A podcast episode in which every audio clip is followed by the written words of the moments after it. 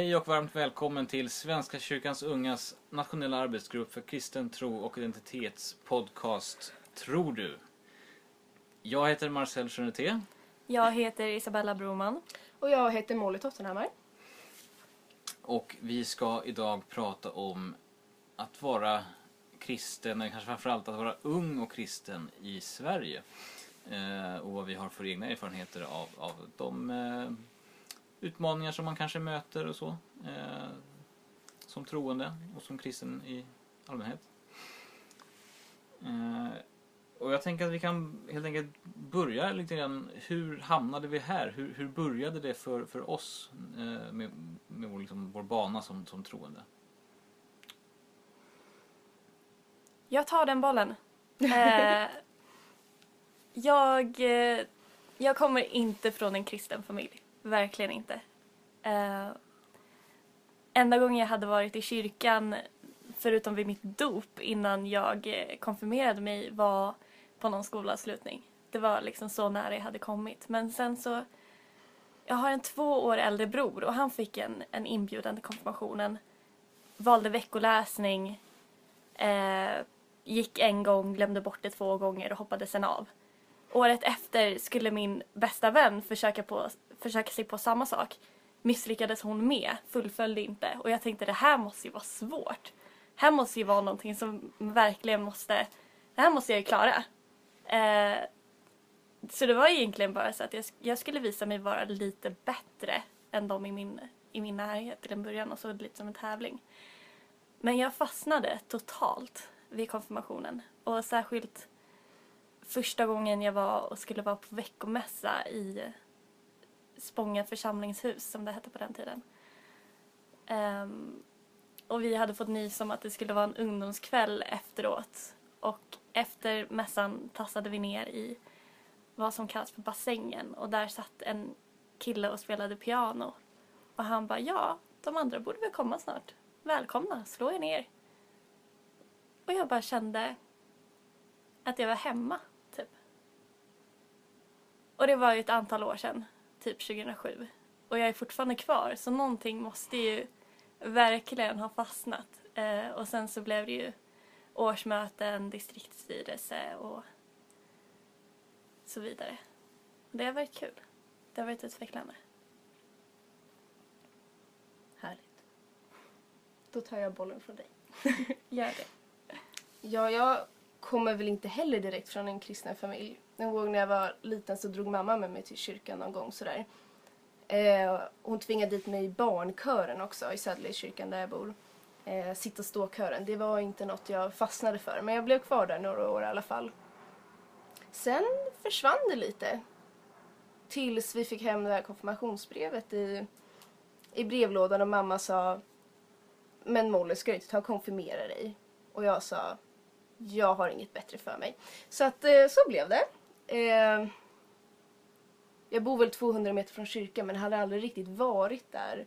Så på första dagen så hittade vi inte in i kyrkosalen och så. Eh, det blev konfirmation.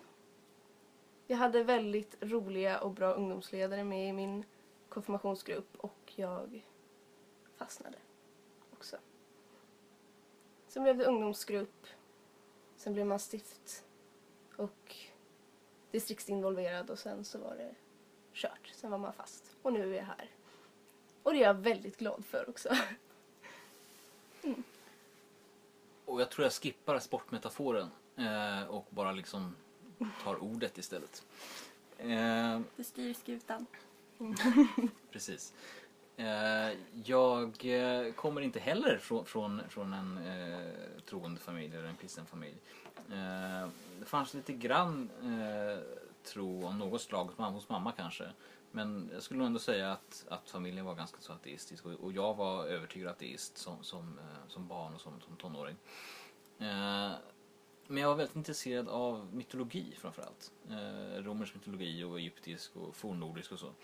Eh, vilket gjorde att jag också var lite intresserad av religion. Så när inbjudan till konfirmationen kom så tänkte jag att det här är nog någonting som är intressant. Eh, det här vill jag veta mer om. Eh, så jag gick upp till kyrkan som också ligger ganska nära. Eh, och konfirmationsläsningen inleddes med mässa, minns jag. Det, var liksom, det här var det som hände i samband med den vanliga ungdomskvällen på tisdagar. Så det var ungdomsmässa först och sen så var det ett informationsmöte då för de, de blivande konfirmanderna.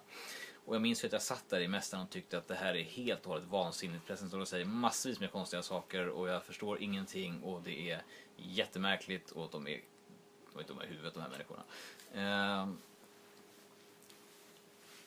men det var ändå någonting som var liksom fascinerande med det här för att det var så pass märkligt. Eh, jag som inte hade några liksom erfarenheter av kyrka eh, eller gudstjänster eller tro utöver då också liksom, eh, vad heter det, eh, Ehm,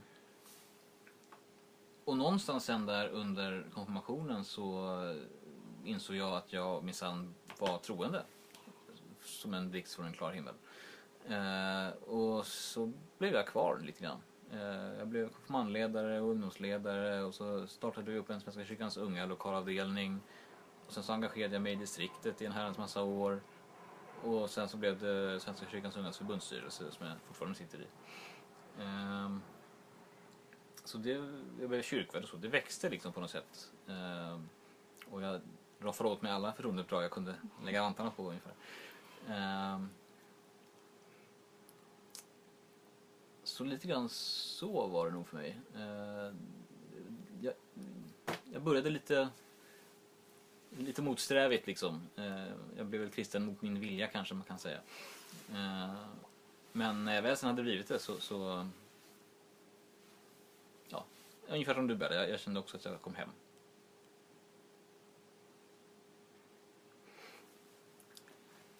Jag känner ju verkligen igen det där med att roffa åt sig alla förtroendeuppdrag man kan lägga vantarna på.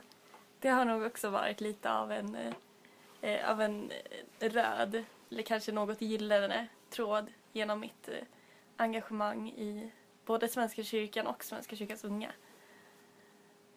Det, var väl, det har väl alltid varit så att man nästan har spenderat mer tid i diverse lokaler som tillhör kyrkan än diverse lokaler som tillhör skolan. I alla fall frivilligt utanför obligatoriska inslag. Och så är det ju fortfarande. Det är verkligen någonting magiskt, nästan magnetiskt över de här med, kan man säga, gemenskaperna. Eh, sammankomsterna, människor. Eh, som man får träffa. Jag, jag håller absolut med. Och jag, att man försöker närvara på så mycket som möjligt. Även om det handlar om stift eller distrikt eller bara sin egen församling. Det kan vara att man hoppar direkt på för att få åka till fjällen på konfirmation som ledare. För att det är ju jätteroligt att vara i fjällen. Men samtidigt som man sa Jo, men jag kan hjälpa till att diska den där tisdagen när det finns mycket folk. Så drar man sig till kyrkan, diskar, men får ju det otroligt trevliga sällskapet och gemenskapen på köpet. Mm. Det var ju någonting som jag också kände väldigt mycket eh, som var otroligt viktigt för mig där just liksom de här första åren i kyrkan också där i tonåren att ehm, eh, de i kyrkan där, eh, de kanske var lite konstiga men de var, de var ändå liksom väldigt givmilda med, med förtroende och ansvar. Eh, och det var väldigt lätt att, att komma dit och känna sig behövd. Eh, bara dels behövd av att man var den man är och, och man fick ju ganska mycket eh, mycket bekräftelse så att säga i kyrkan kände jag. Eh, men det var också det här att, att eh, eh det ganska snart väcktes en, en känsla av att jag, jag vill ge tillbaka någonting. Liksom. Jag, jag har fått den här bekräftelsen och jag har liksom fått en plats där jag kan få vara den jag är. Nu vill jag liksom ge tillbaka någonting till, till, till den här platsen. Eh, vilket liksom sporrade den till att ta ännu mer alltså, ansvar själv och uppdrag och, och allting då från att eh, stanna kvar när alla andra har gått och hjälpa församlingsassistenten med, med disken, eh, vilket jag gjorde många gånger, eh, till att eh, ja, men, så här, bli kyrkvärd eller eh, eh, ja, organisera egna ungdomsgrupper och så. Liksom. Eh,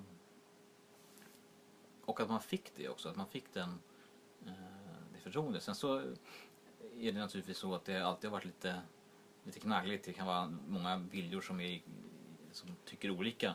Eh, men eh, någonstans har jag ändå upplevt att, att, att kyrkan är en, eh, en ganska unik plats på så sätt. I, i just eh, det förtroende som man, som, som man ges. Liksom. Mm. Det är också en väldigt bra skola i att själv be om och ta emot hjälp. För det finns alltid i kyrkan, om man frågar finns det någonting jag kan hjälpa till med? Så svarar de alltid ja. Det är inte nej jag klarar det här. Utan självklart hjälp till med disken. Eller självklart eh, ställ i ordning eh, kapellet. Är du jättegullig. För att man, eh, man klarar av det här med att ge och ta till varandra utan att känna att man ska klara allting själv.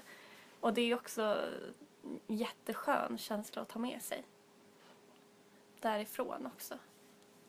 Jag har lärt mig väldigt mycket från Svenska kyrkan och Svenska kyrkans unga att våga ta plats i sammanhang och våga kliva in och säga jo men här är jag och jag är inte så dålig, jag kan rätt mycket. Det låter lite klyschigt men det känns verkligen som att alla är, alla är välkomna.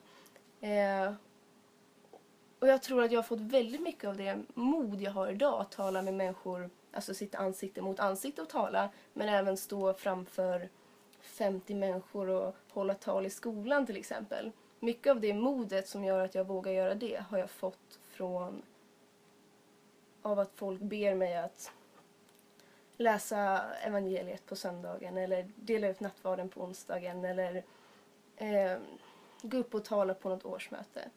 Det har gett mig otroligt mycket till min självkänsla och mitt mod som man får nytta av varje dag. Mm. Eh, jag, jag har erfarit exakt samma, exakt, exakt samma sak.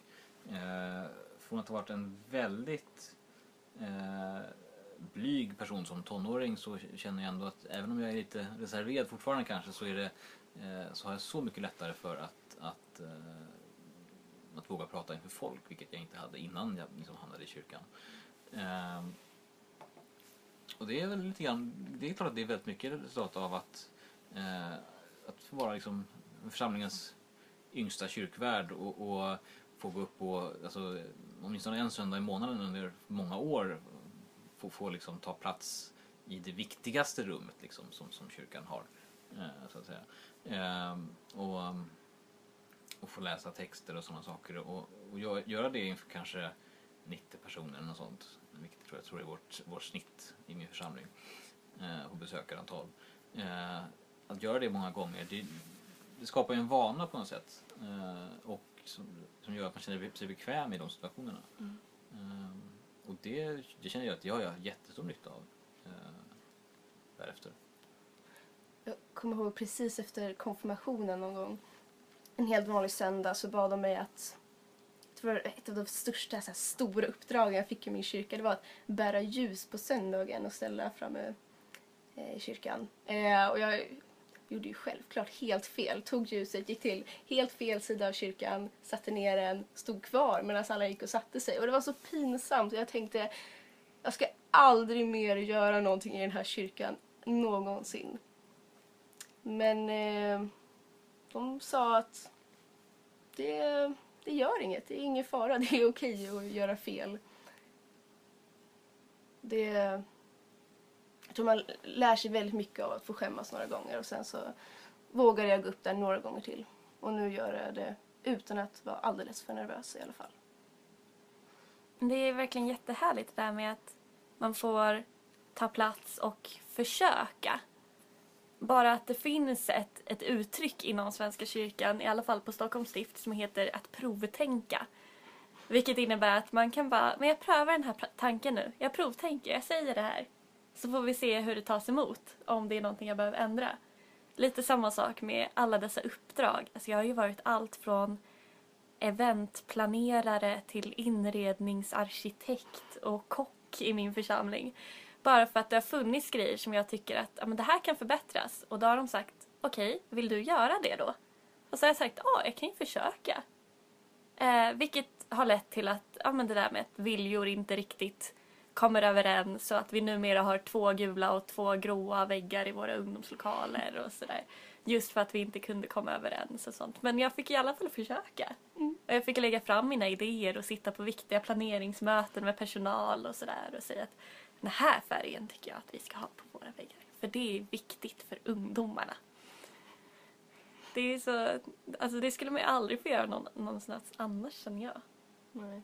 Jag har aldrig blivit, jag har varit involverad i elevråd och allt sånt också. Där har man aldrig blivit bemött med så mycket tillit och respekt som i kyrkan. Mm. Nej, jag, jag håller med dig. Jag, jag har också varit engagerad i elevråd. Eh, framförallt på högstadiet men, men också en kort stund på gymnasiet. Och det var ju väldigt mycket, en- alltså jag upplevde det som en skendemokrati. Där den viktigaste frågan var om det skulle vara eh, slätt eller liksom så här mm, luftkuddigt knäckebröd. Eh, vad- om, det var liksom den, den ständigt återkommande frågan där eleverna tyckte att det här vi har just nu det är inte bra. Men så här, det var det utrymme som man fick ta i princip. Eh, det var de frågorna som, som skolan kunde tänka sig att eleverna kunde få behandla. Eh, Medan man i, i, eh, i församlingen, men, men också väldigt, väldigt, mycket framförallt tänker jag i Svenska kyrkans unga, eh, får, eh, får möjligheten att, att påverka och, och ta de frågor som man själv tycker är viktiga eh, och, eh, och verkligen liksom ta plats och utöva demokrati. Eh, Det tänker jag är något av det viktigaste som Svenska kyrkans unga gör. Så är det alltså att vara en skola i, dels i, liksom i, i, i organisation och, och, och i föreningsliv och så, men, men, men väldigt mycket i, i demokrati. Eh, Och jag tror att jag, tän- jag tänker att alla borde ha en förening att vara med i och engagera sig i. Eh, Jag tror att det gör så mycket för, för, ehm, för demokratin och och hur mycket man förstår av, av hur vikten av demokratin också. Och Så sen, här i eh, valtider sen ser, Svenska kyrkans unga är ju fantastiskt duktiga på det här med demokrati och eh, byråkrati. Jag var på ett möte med en annan förening för några veckor sedan och eh, de, eh, de misstolkade sina stadgar så de trodde att det var någonting med en stadgeändring de hade velat göra. Och genom att jag var där och kunde säga att men så här står det faktiskt i stadgarna så lyckades jag få dem att inte kalla till först ett extra årsmöte och sen ett ordinarie årsmöte för att det hade ju blivit jättemycket jobb. Och jag bara, men det, det står ju här. Så, och då fick jag jättemycket beröm över att, men gud vad duktig du är på sånt här. Att man kan sånt. Eh, Men det kan man. Om man har varit med i Svenska kyrkans unga, varit aktiv i styrelse i tre, snart fyra år. Det lite bästa jag har burit med mig från att ha varit på Svenska kyrkans ungas i Stockholms eh, årsmöte, distriktsårsmöte. Det är att jag förstår årsmöteskämt. Och det är en väldig fördel i lite mer, eh, lite mer andra sammanhang. Att motionera, det är, man kan bilda så mycket roliga saker utifrån det. Nu förstår jag, jag kan skratta med och det känns otroligt bra.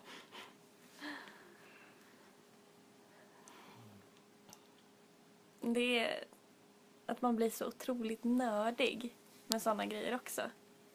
Det är lite fantastiskt. Att man till exempel skrattar åt att ja, vår ordförande tycker inte att styrelseledamöterna ska motionera. alltså.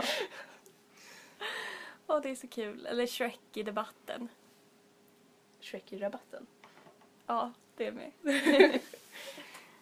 Mm.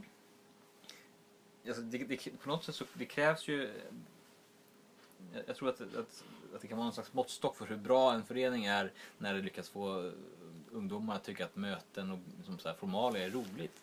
Eh, och det är ju roligt, men det, det är inte roligt i sig självt utan det är ju mycket roligt därför att det är en, en gemenskap som upp, uppskattar de här sakerna och där man liksom känner att eh, okej, jag förstod inte det här när jag kom hit men när jag går härifrån då förstår jag det. Eh, det, det är den här liksom bildningen i, i, i formalia och i demokrati som gör att det, som gör att det är värt det så att säga. Om, om, om det bara var för att det var så här krångliga ord och grejer, då, det finns ju inget värde i det. Eh, blir ju så bra man gör det till. Liksom.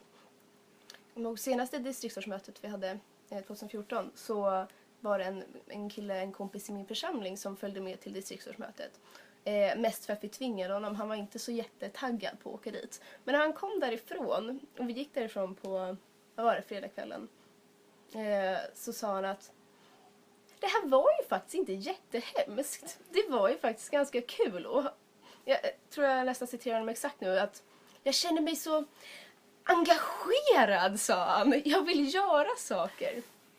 Och det är nog något väldigt roligt man vinner utifrån. Att man, att man kommer in i det, att man förstår verkligen vad som händer. På så sätt gillar jag våra distriktsårsmöten. Mm. Sen också, jag var på mitt första distriktsårsmöte eh, som, vad kan jag ha varit, typ 15. Det var 2008. Och jag, jag minns hur jag så här uppfylldes av den här känslan av förändring är möjlig. Och jag har möjlighet att påverka. Bara genom att säga rätt ord i rätt följd kan jag påverka hur människor bestämmer sig för att vår organisation ska styras det närmaste året. Det var en jättehäftig känsla. Eh, och den där bubblade känslan av engagemang in, inombords eh, brukar benämnas eh, domfeber. Distriktsårsmötesfeber. För att man är alldeles uppslukad av det här med att förändring är möjlig. Jag har ett engagemang och nu ska jag banne mig använda det.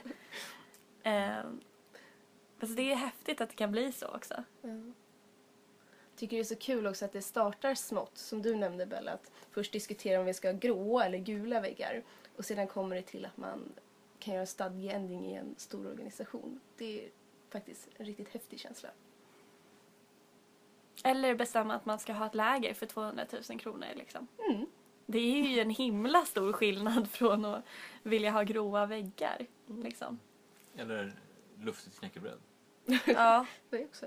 precis. I min skola blev rektorn typ sur för att jag påstod att de hade ställt möbler som blockerade brandutrymningsvägarna. Det, var, det kunde man påverka. Vi vill kunna komma ut om det brinner. Eh. Men det är ju inte... Jag känner ofta att... Eh, jag hörde någon gång att en förening funkar som ett omvänt kylskåp. Att man skapar värme inåt men man skapar kyla utåt.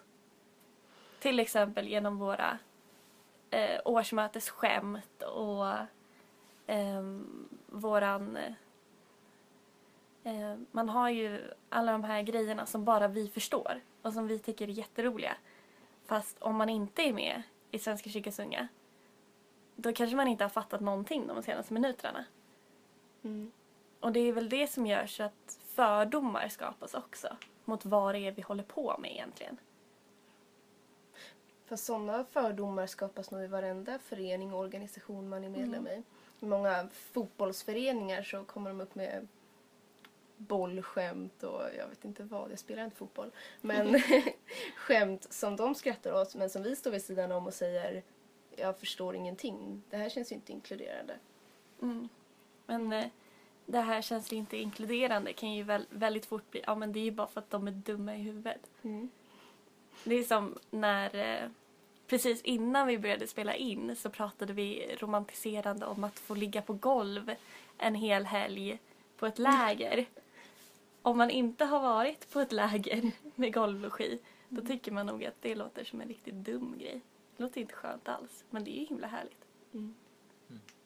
Men det är ju, det, det är ju liksom, det härliga i det är ju inte eh, att man ligger på golvet utan det härliga är ju den gemenskap som, som blir bildad. Att det är någonting särskilt med, med att eh, jag kanske är lite småsynisk när jag säger att det är någonting särskilt med att alla i gruppen har ont i ryggen. Men, men eh, kanske snarare det att men man, man kommer varandra närmare på den vänster.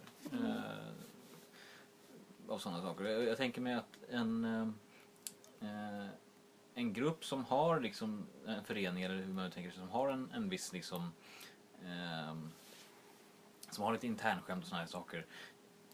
Det är inte nödvändigtvis någonting ont. Det kan bli det om gruppen är stängd och inte släpper in som nytt folk och inte ser till att alltså, hela tiden aktivt arbeta med att, att hålla eh, gruppen öppen eller föreningen öppen för, för, för, för nya medlemmar och så.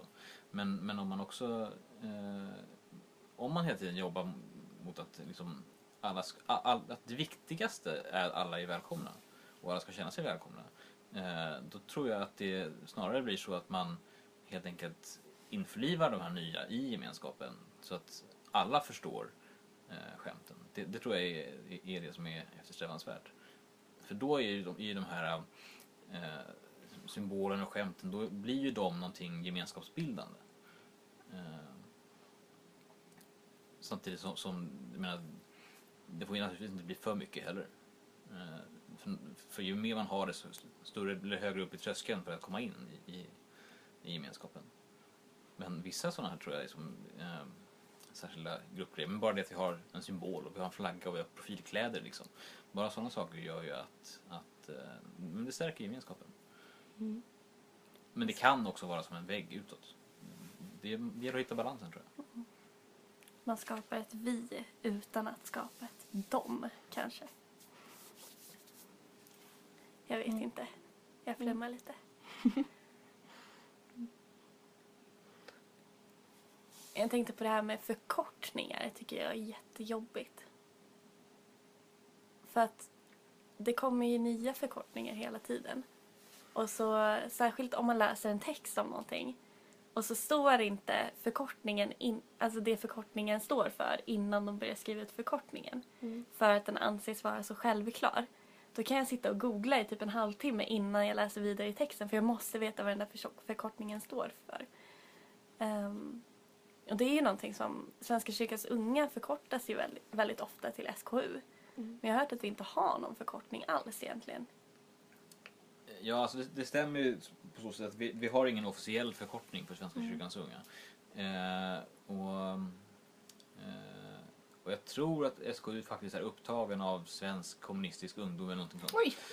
Eh, jag tror att de hade den innan oss. Eh, men, men, men saken är den att, dock att SKU är en väldigt vedertagen förkortning. Den används inte på förbund, av förbundet men, men den är absolut levande i, i många distrikt och i, framförallt i många lokalavdelningar. Eh, så på så vis så är det ju liksom en etablerad förkortning som, som används av väldigt många. Jag vet att det var något avsnitt av Vem vet mest för några år sedan så var det just en fråga vilken eh, kyrklig organisation förkortas SKU? Eh, och svaret var ju Svenska kyrkans unga, men det är ju inte svaret egentligen. Men, men eh, eh, så etablerat är det att det, liksom, det dyker upp i TV på, i, Vem- i Vem vet mest. Men annars så är vi ju väldigt bra i Svenska kyrkans unga på, på eh, svårbegripliga förkortningar. Det är LOM och det är LAOM och det är SOM och det är DOM och det är LUB och det är ja, Mm. DS och FS och eh, LS kanske det är, jag vet inte. Eh, liksom hur många varianter som helst av de här förkortningarna. Eh, vi, men tyvärr så är vi inte så väldigt bra på att förklara dem alltid. Så det blir ju, det tar ett tag innan, när, man, när man kommer in innan man liksom kan greppa de här förkortningarna. Dels därför att vi inte är så bra på att förklara dem men också dels därför att det är så så många förkortningar. Det går inte att hålla alla i huvudet. Det skapar bara ett, sta- ett starkare och tydligare vi och dem. Då vi har vårt eget, nästan ett eget språk som ett fackspråk. Som ingen annan förstår. Och som du sa, det blir svårare att komma in i en grupp om man inte ens förstår vad vi talar om. Och sen så är det väl det att vi är ganska, vi är mästare på långa ord också. Som, ja, nu ska jag på, eh, vad kan det vara, eh, distriktsårsmöte eh, där jag ska delta som distriktsstyrelse för Svenska kyrkans unga i Stockholms stift och efter det ska vi ha en distriktsmässa och en lokalavdelningsordförandesamling. Eh, det blir väldigt, väldigt mycket tecken. kan man inte twittra om. Vi, jag tror att vi har, i, i och med att det finns någon slags eh, det finns någon, någon, någon liten kärlek för ordvitsar och sånt också. Eh, vilket ju gör att eh, vet, just lokalavdelningsordförandesamling vet jag att man i, i, i eh, Stockholms distrikt en gång i tiden förkortade LO-samling. Eh, och det hade ju naturligtvis ingenting med LO att göra, det var ju lokalavdelningsordförandesamling. Men, men eh, eh, bara en sån sak att ibland så kan man ha lite för roligt kanske. Eh, Eh, jag tror Fast för sig vi- att det var jag som myntade LO-samling. Men, men eh, Alltså vi i Stockholm är ju ganska mycket mer för eh, så här klatschiga namn på våra arrangemang nu för tiden. Som, Som att våra ledarutbildningar är ju inte LUB längre utan de är i grogrund och växtpunkt. mm, för att det är så catchy. Och att vårt, eh, vårt läger eh, heter Ljuspunkt. För att det är en ljuspunkt i vardagen. Jag funderar på det. Var det ljuspunkt eller växtpunkt som kom först? Ljuspunkt kom först. Och sen var växtpunkt en ordvits på ljuspunkt. Nej, växtpunkt är ju att eh, det är en plats där man kan växa i sitt ledarskap. Okej. Det är ju lite catchy. Åh, jag hade tänkt på det. Vad smart. Okej. Mm. På tal om att skapa obegripliga vitsar som ingen annan förstår förutom de som kom på dem. Jag, jag tänker mig att där har man ju framförallt ett, alltså som, som gammal räv, eh, vilket jag tycker att vi, vi alla tre nog är nu vid det här laget. Eh, I viss mån i alla fall. Mest du. Eh, ja, mest jag. Men det är kanske inte så konstigt. Men, men eh, jag tänker mig att där har man ju ett stort ansvar också. Att när man står på årsmötet och ska informera om arrangemang, att man eh, inte presenterar sig som alltså, Marcel med en förkortning från alltså sin lokaldelning eller sin, sin, en styrelse eller vad det nu är för någonting och att man eh, hela tiden när man lyfter vad arrangemangen heter så kan man säga både det långa namnet och förkortningen så kopplar man då som förklarar det för medlemmarna och då blir det också liksom mer lättillgängligt för de som är där första gången. Eh, För jag tror inte att, eh, att alltså, uppenbarligen så finns det förkortningar därför att de behövs. Därför att det, de, de, de, de längre form, namnformerna är, är, är kanske klumpigare att säga eller tar lång tid att skriva eh, i, så här, i mindre formell text eller så. Ehm, så jag tror inte vi kan göra oss av med liksom varken eller utan jag tror att båda behövs. Och då gäller det att man, att man är, är förklarande och välkomnande för, för de som inte har hört de här orden tidigare. Mm. Det är ju viktigt att som gammal räv också eh, föra vidare gamla traditioner och eh, värderingar från det äldre gardet till de nya unga. Eh, till exempel som när jag på eh, årets årsmöte lyckades eh, säga att om man åker på riksarrangemang får man träffa folk som pratar konstigt. Mm. Apropå att vi är tre stockholmare här idag.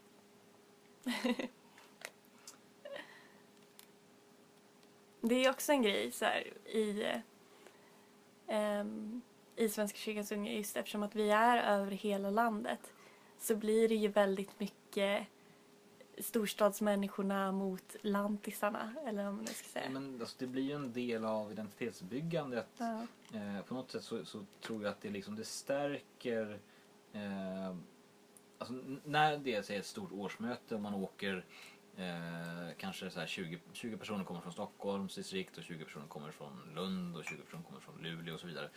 Eh, eller mera.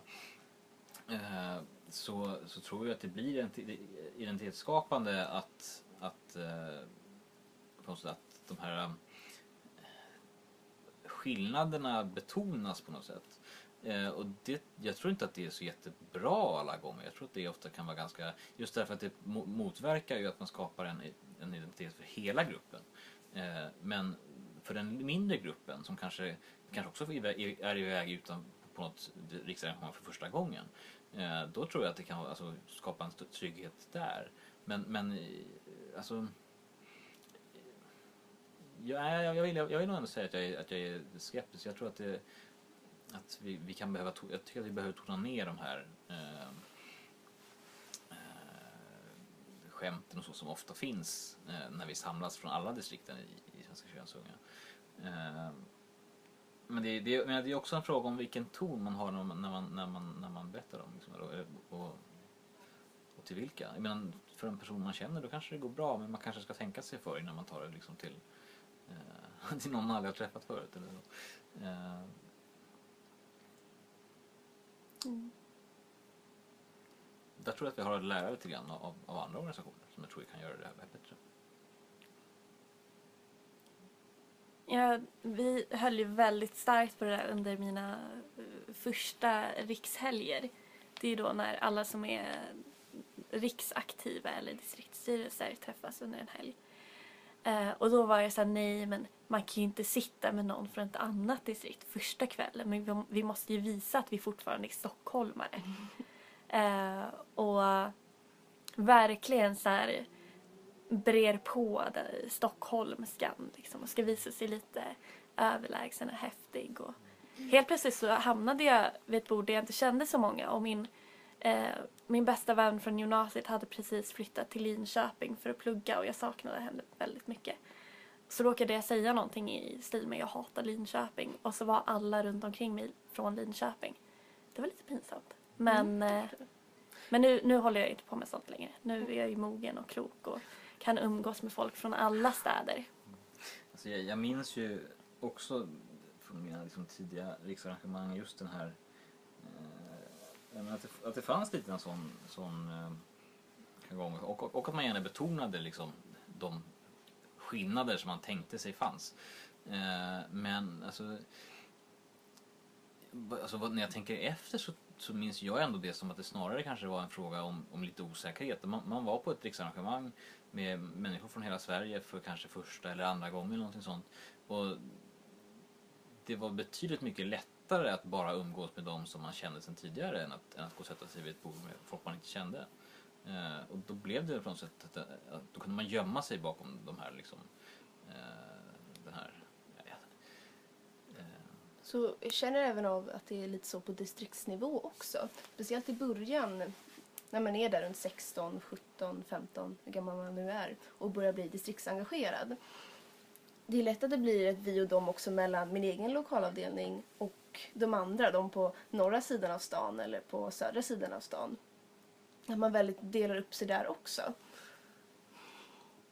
Och på något sätt går det väl lite att känna av på, på samlingar där hela, eller lokalavdelningar från hela Stockholmsdistrikt eller hela distriktet möts. Så går det väl lite ibland att känna av att men här är min lokalavdelning och där borta står en annan lokalavdelning. Men det handlar ju om vad man är bekväm med.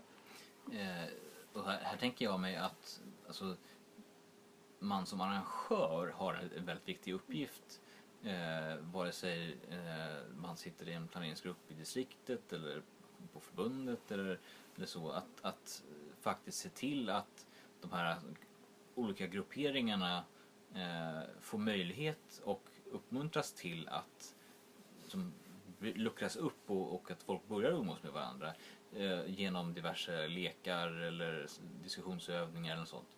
Just för att menar, vi behöver skapa den här eh, större gemenskapskänslan för hela, hela organisationen. Eh, vi har ju den vi har ju liksom gemensamma nämnare redan i, i men eh, dels att vi alla är medlemmar i Svenska kyrkans unga men också dels att vi är, att vi är kristna och så liksom. Men, men eh, eh jag tror att den behöver liksom en, en, en liten spark för att komma igång ibland. Mm. Jag tror att det är just det där med att det finns en trygghet i eh, att man har sin grupp och man vet vilka man är där med, man vet vad de heter, man vet att de tycker om en liksom. I, som i skolan, man skulle ju aldrig liksom gå och sätta sig vid ett annat bord helt plötsligt bara för att lära känna lite nytt folk. Mm. Även fast det ofta är målet på våra distrikts och riksarrangemang att man ska blanda grupper och få igång eh, diskussioner och att man ska nätverka. Liksom. Men det är svårt. Jag känner det när man ska äta till exempel. Om jag har kommit till ett arrangemang ensam. Då är det mycket lättare för mig att sätta mig vid ett bord eh, där det sitter någon som jag redan har presenterat mig för än att sätta mig ner vid ett bord och sen presentera mig. Det är en trygghet i att jag vet vad den där personen heter, då kan jag sätta mig där. För då känns det som att man redan har en första fot inne liksom. Men jag måste ändå veta någonting om personen innan jag kan sätta mig där. Och då har jag ju ändå varit aktiv i, gud det börjar ju bli sju år nu. Um, men det är fortfarande lite läskigt. Men där tror jag att vår organisation har en styrka. Eh, alltså, när jag säger vår organisation då menar jag ju både Svenska kyrkans unga men också liksom i Svenska kyrkan när man träffar eh, folk från församlingar. Kanske man går i en annan, en annan högmässa än vanligt och, och träffar en, en, ny församling vid kyrkkaffet. Liksom. Eh, så tänker jag mig att, att eh, menar, vi har vissa saker gemensamt. Det finns alltid någonting som man kan liksom börja prata om. Det finns alltid eh, det finns alltid någon liksom gemensam erfarenhet som man har med den här personen som man inte känner till men som man kan hitta. Eh, bara genom att, att eh, ja, men kanske börja prata om eh, eh ja, men vart man själv kommer ifrån, för det ligger ju nära om hjärtat. Eh, och, ja, men jag kommer från den kyrkan där borta och, och eh, jag är konfirmerad där och då kommer kanske den personen säga att jag konfirmerade mig här. Och eh, sen om det är liksom, är det en eh, ett, ett kyrkkaffe i, i en annan församling på en högmässa liksom en söndag då kanske det rör sig om en person som också är tillhör en annan generation vilket inte ofta är fallet i Svenska kyrkans unga. Eh, och det tror jag, då, där, där kan man verkligen hitta intressanta möten eh, och få väldigt eh, givande utbyte. Det gäller ju att hitta den här gemensamma nämnaren som vi talade om förut. Och det är samma sak, alltså om man går och sätter sig på lunchen i skolan hos någon annan. Så istället för att fråga som vi inom Svenska kyrkans unga gör att jaha, vilken församling kommer du ifrån och vad konfirmerades du? Så kan man istället fråga jaha, så du läser också matte 3 till exempel? Det läste jag förra året och ska du läsa svenska? Ja, jag med. Där hittar man ju också de här gemensamma nämnarna som vi så naturligt har inom Svenska kyrkans unga.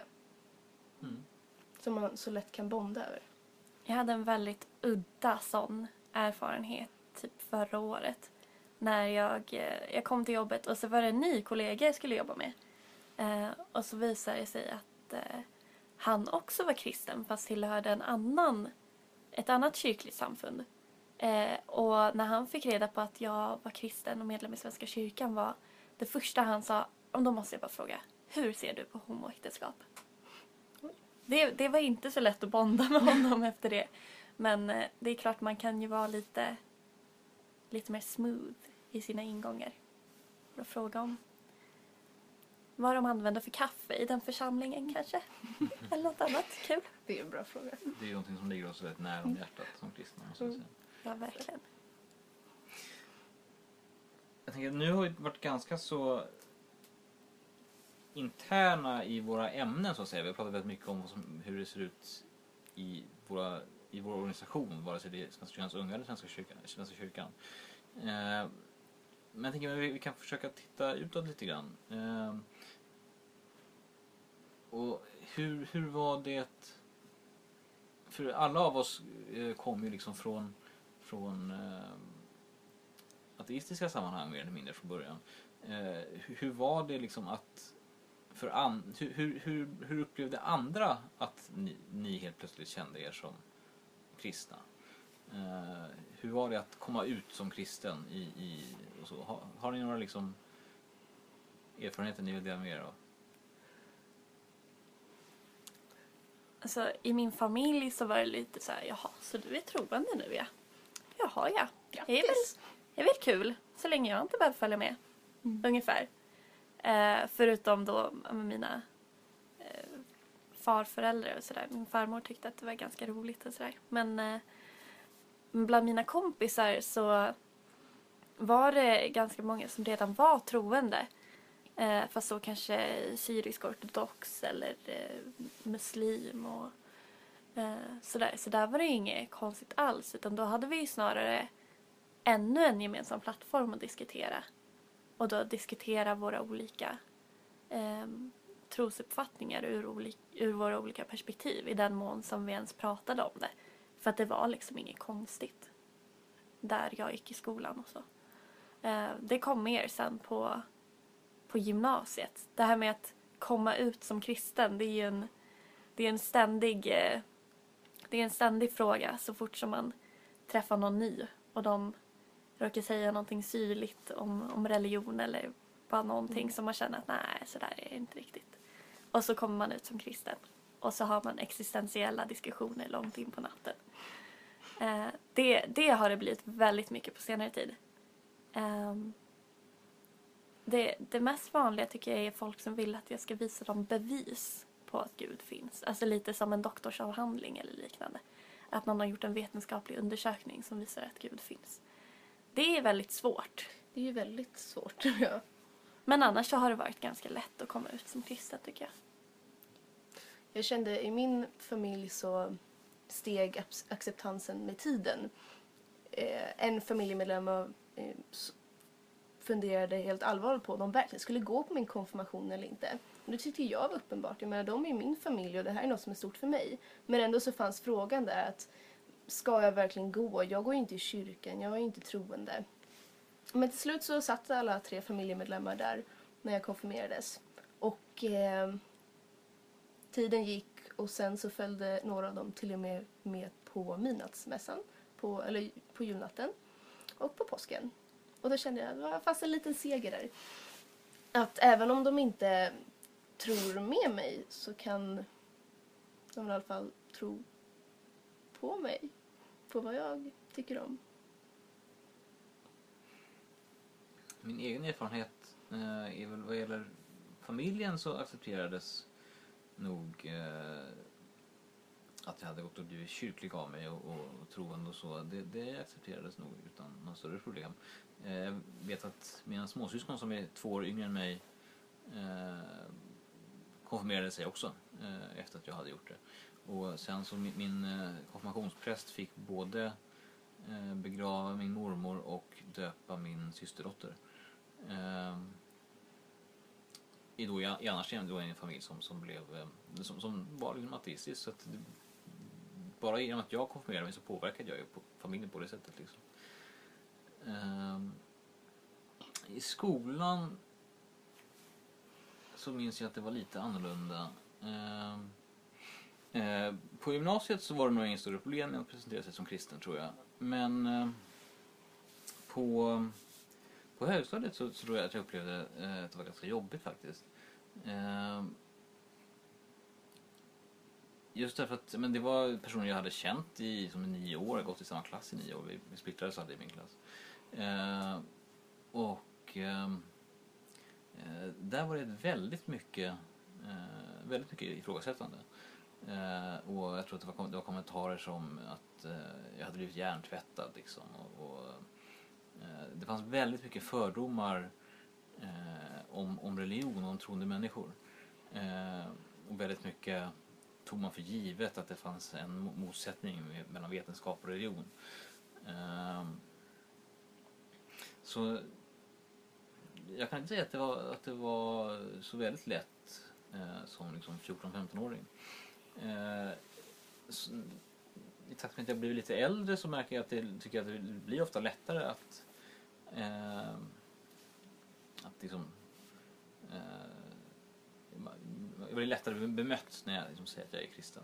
Eh, samtidigt som jag vet att det i en del sammanhang eh, kanske framförallt om man liksom möter lite överförfriskade människor då kan det ju bli de här långa samtalen långt in på natten. Eh, både om en fråga om de, eh, folk som vill att man ska lägga fram några liksom, gudsbevis eh, men också ändå ganska fina existentiella samtal eh, där man ändå kan mötas från två skilda där man har två skilda åsikter men de ändå kan mötas i mitten någonstans om, om eh, jag har med om många som har, eh, har sagt att de har eh, i, i vissa fall till och med avundats mig min, min, min tro. Eh, just därför att de, de, känner att det är någonting som är, är, är viktigt. Eller de, de, de, ser att det är viktigt för mig och att, att det är någonting som stöttar mig. Eh, men att de inte själva har det så att säga. Eh. Jag kände faktiskt tvärt emot det vad du sa. I högstadiet då hade jag för sig väldigt nära vänner som, som inte ifrågasatte så mycket. Men sen i gymnasiet, för ja, precis vid skolstart, första veckan i gymnasiet och vi skulle ha påbörja religion 1, som det heter numera. Eh, så satt vi där första lektionen, 40 elever inträngda i en arena, dåligt ljus, halvdålig luft sådär. Eh, och vår lärare ställer rakt ut frågan, eller säger ställ er upp, nu ska vi göra en liten test. Och säger han, vad tycker ni om religion? Bara den helt enkla frågan, vad tycker ni om religion? Gå till vänster om det är dåligt, gå till höger om det är bra. Och det är en väldigt jobbig sits att ställa sig eller sätta sig när man är, man är 16 år. Precis börjat gymnasiet, har inga riktiga vänner än och där står alla ens potentiella vänner på andra sidan klassrummet. Och man känner att, ja, det här var ju en väldigt tråkig start. Och där ska jag stå och behöva argumentera för att för, väl, för förvånansvärt många människor att jo men religion är väl rätt bra, eller tycker jag i alla fall. det var en jobbig sits, kommer jag ihåg. Ehm, som löste sig med tiden. Man fick de här lite konstiga frågorna.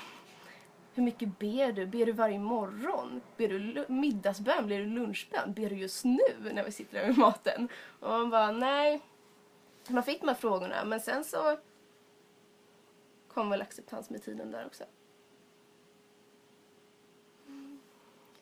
Jag tycker att det är jobbigt när eh, man blir ifrågasatt av människor eh, vars bild av kristna har formats av eh, ska man säga, den kristna högern i USA ungefär. De här som tror att jorden är 6000 år gammal och ehm, alla andra dessa extrema åsikter även kring abort och kvinnans roll i samhället och alkohol och liknande och att de tror att jag är exakt sån. För de har sett någon på internet som propagerade för såna här åsikter och samtidigt kallade sig för kristen. Eh, det är också någonting som är väldigt jobbigt att få slängt i ansiktet på sig. Liksom. Eh, det var någon, när jag var aktiv på ett eh, ungdomsforum på internet, som hade sett att jag på min profilbild hade på mig ett kors. Och då fick han för sig att jag hatade homosexuella. Bara på det så var jag tvungen att förklara att nej, jag hatar inte homosexuella. Och det gör, in, det gör inte Svenska kyrkan. Det är inte en åsikt som...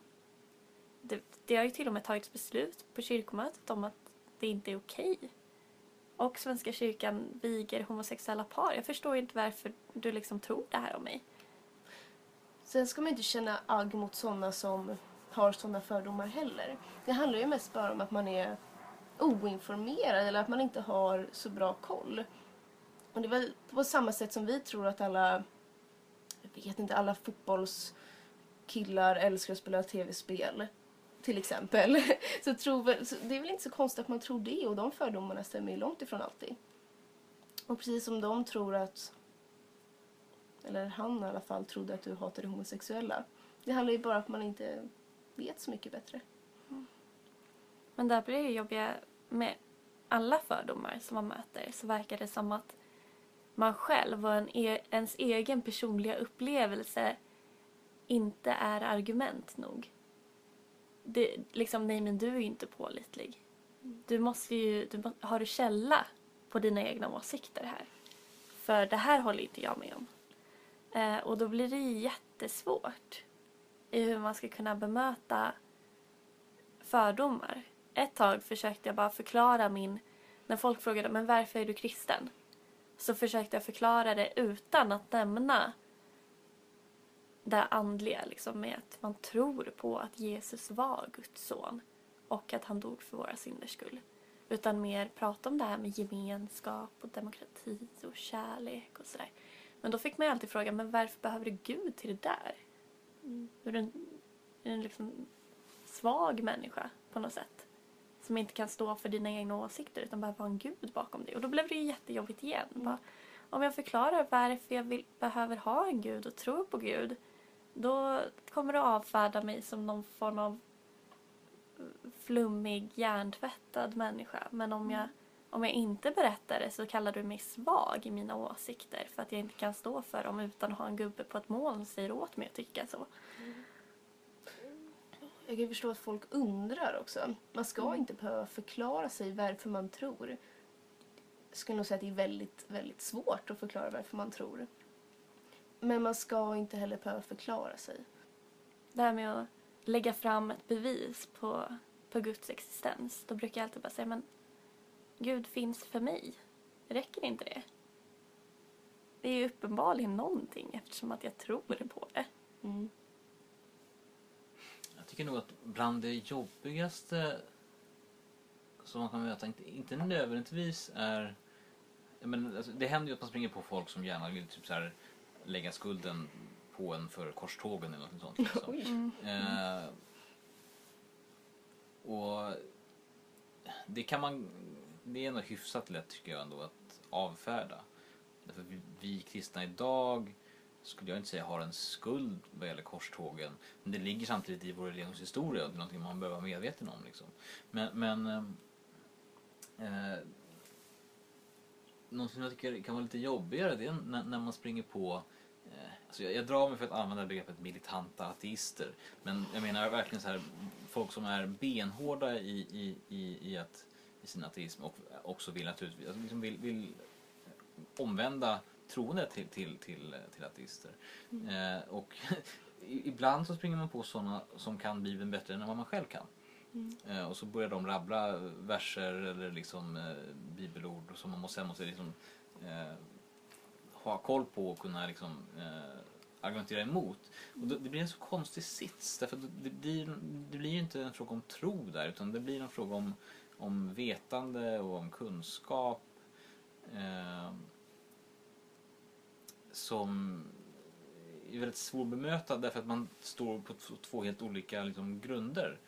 Eh, Mm. Alltså, min tro är inte främst en fråga om bibeltolkning heller. Alltså Nej. om, om allt...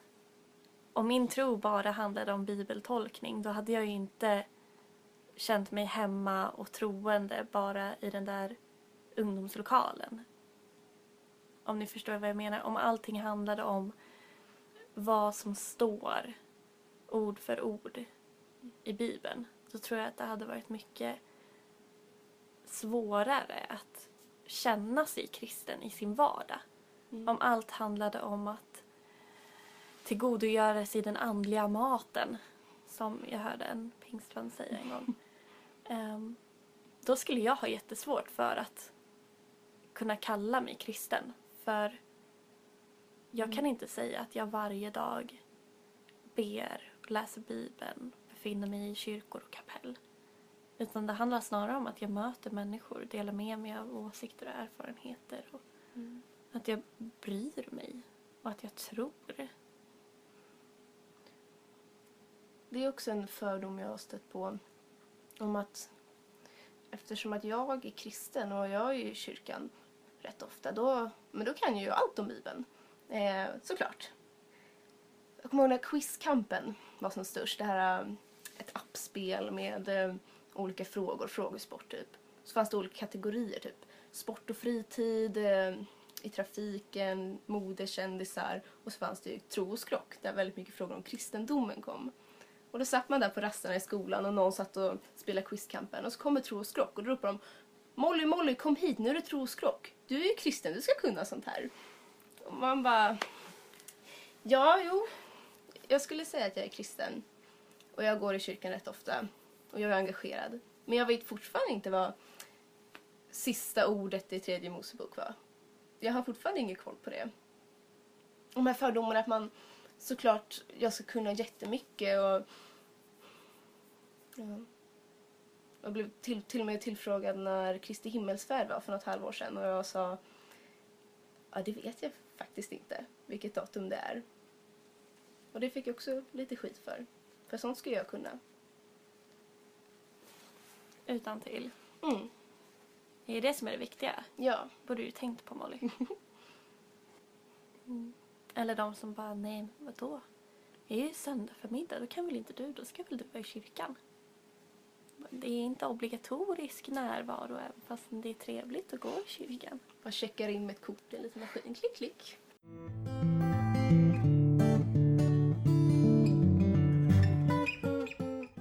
Nu känns det här lite grann som att vi har recenserat livet som ung och kristen i Sverige. Jag förväntar mig ett, en samlad bedömning. Hur många toasters får det? Alltså, jag skulle, alltså, jag skulle säga att vi har det ändå vi har det, det lätt som kristna i Sverige.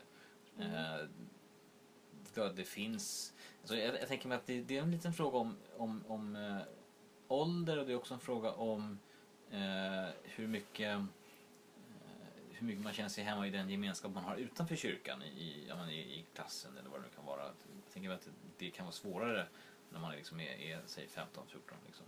Men, men eh, samtidigt tror jag att det liksom det finns liksom gränser eh, alltså, av utanförskap och så och, och av eh, hur jobbigt det kan vara som troende. Och där tror jag att vi i Sverige har det ganska lätt. Så jag, Mm. jag, jag skulle ge oss fyra av fem toasted? Varför, varför att vi är toasted? Björn Gustafsson? Ja, Okej. Björn, Gu- Björn Gustafssons Benjamin. Benjamin. Nej, Men jag, jag håller med om att det, är- det, det är väl rätt gött att vara kristen i Sverige. Mm. Det är rätt chill ändå. Ja, det är som eh, många av mina kompisar som inte har gått ur Svenska kyrkan men ändå inte är aktiva i Svenska kyrkan och därmed bara betalar en massa pengar utan att få ta del av allt som kyrkan erbjuder. De säger ibland bara ”Jaha, du, är- du är aktiv i kyrkan? De betalar jag ju en massa pengar till”. Då brukar jag alltid säga ”Ja, vi har väldigt roligt för dem också”. eh, och det stämmer ju. Jag skrattar sällan så mycket som när jag är på kyrkliga, i kyrkliga sammanhang. Så eh, fyra och en halv av fem toasters. Sen. Jag har inte så mycket att klanka ner på vad gällande att vara kristen i Sverige. Som du sa Marcel, vi har det väldigt bra och hittills har jag mött, eller blivit mött av övervägande positiva fördelar. Så jag har sett ändå en fem av fem toasters. Jag är väldigt nöjd. Kan jag väl. Och eh, där väljer vi att eh, runda av och knyta ihop för idag. Så tack för att ni har lyssnat på vår podcast från Svenska kyrkans ungas nationella arbetsgrupp för kristen tros och identitetsfrågor. Det är sista avsnittet för eh, vårterminen. Så håll till godo så kommer vi tillbaka med rikande färska podcasts i höst. Och ha en eh, trevlig sommar allihopa.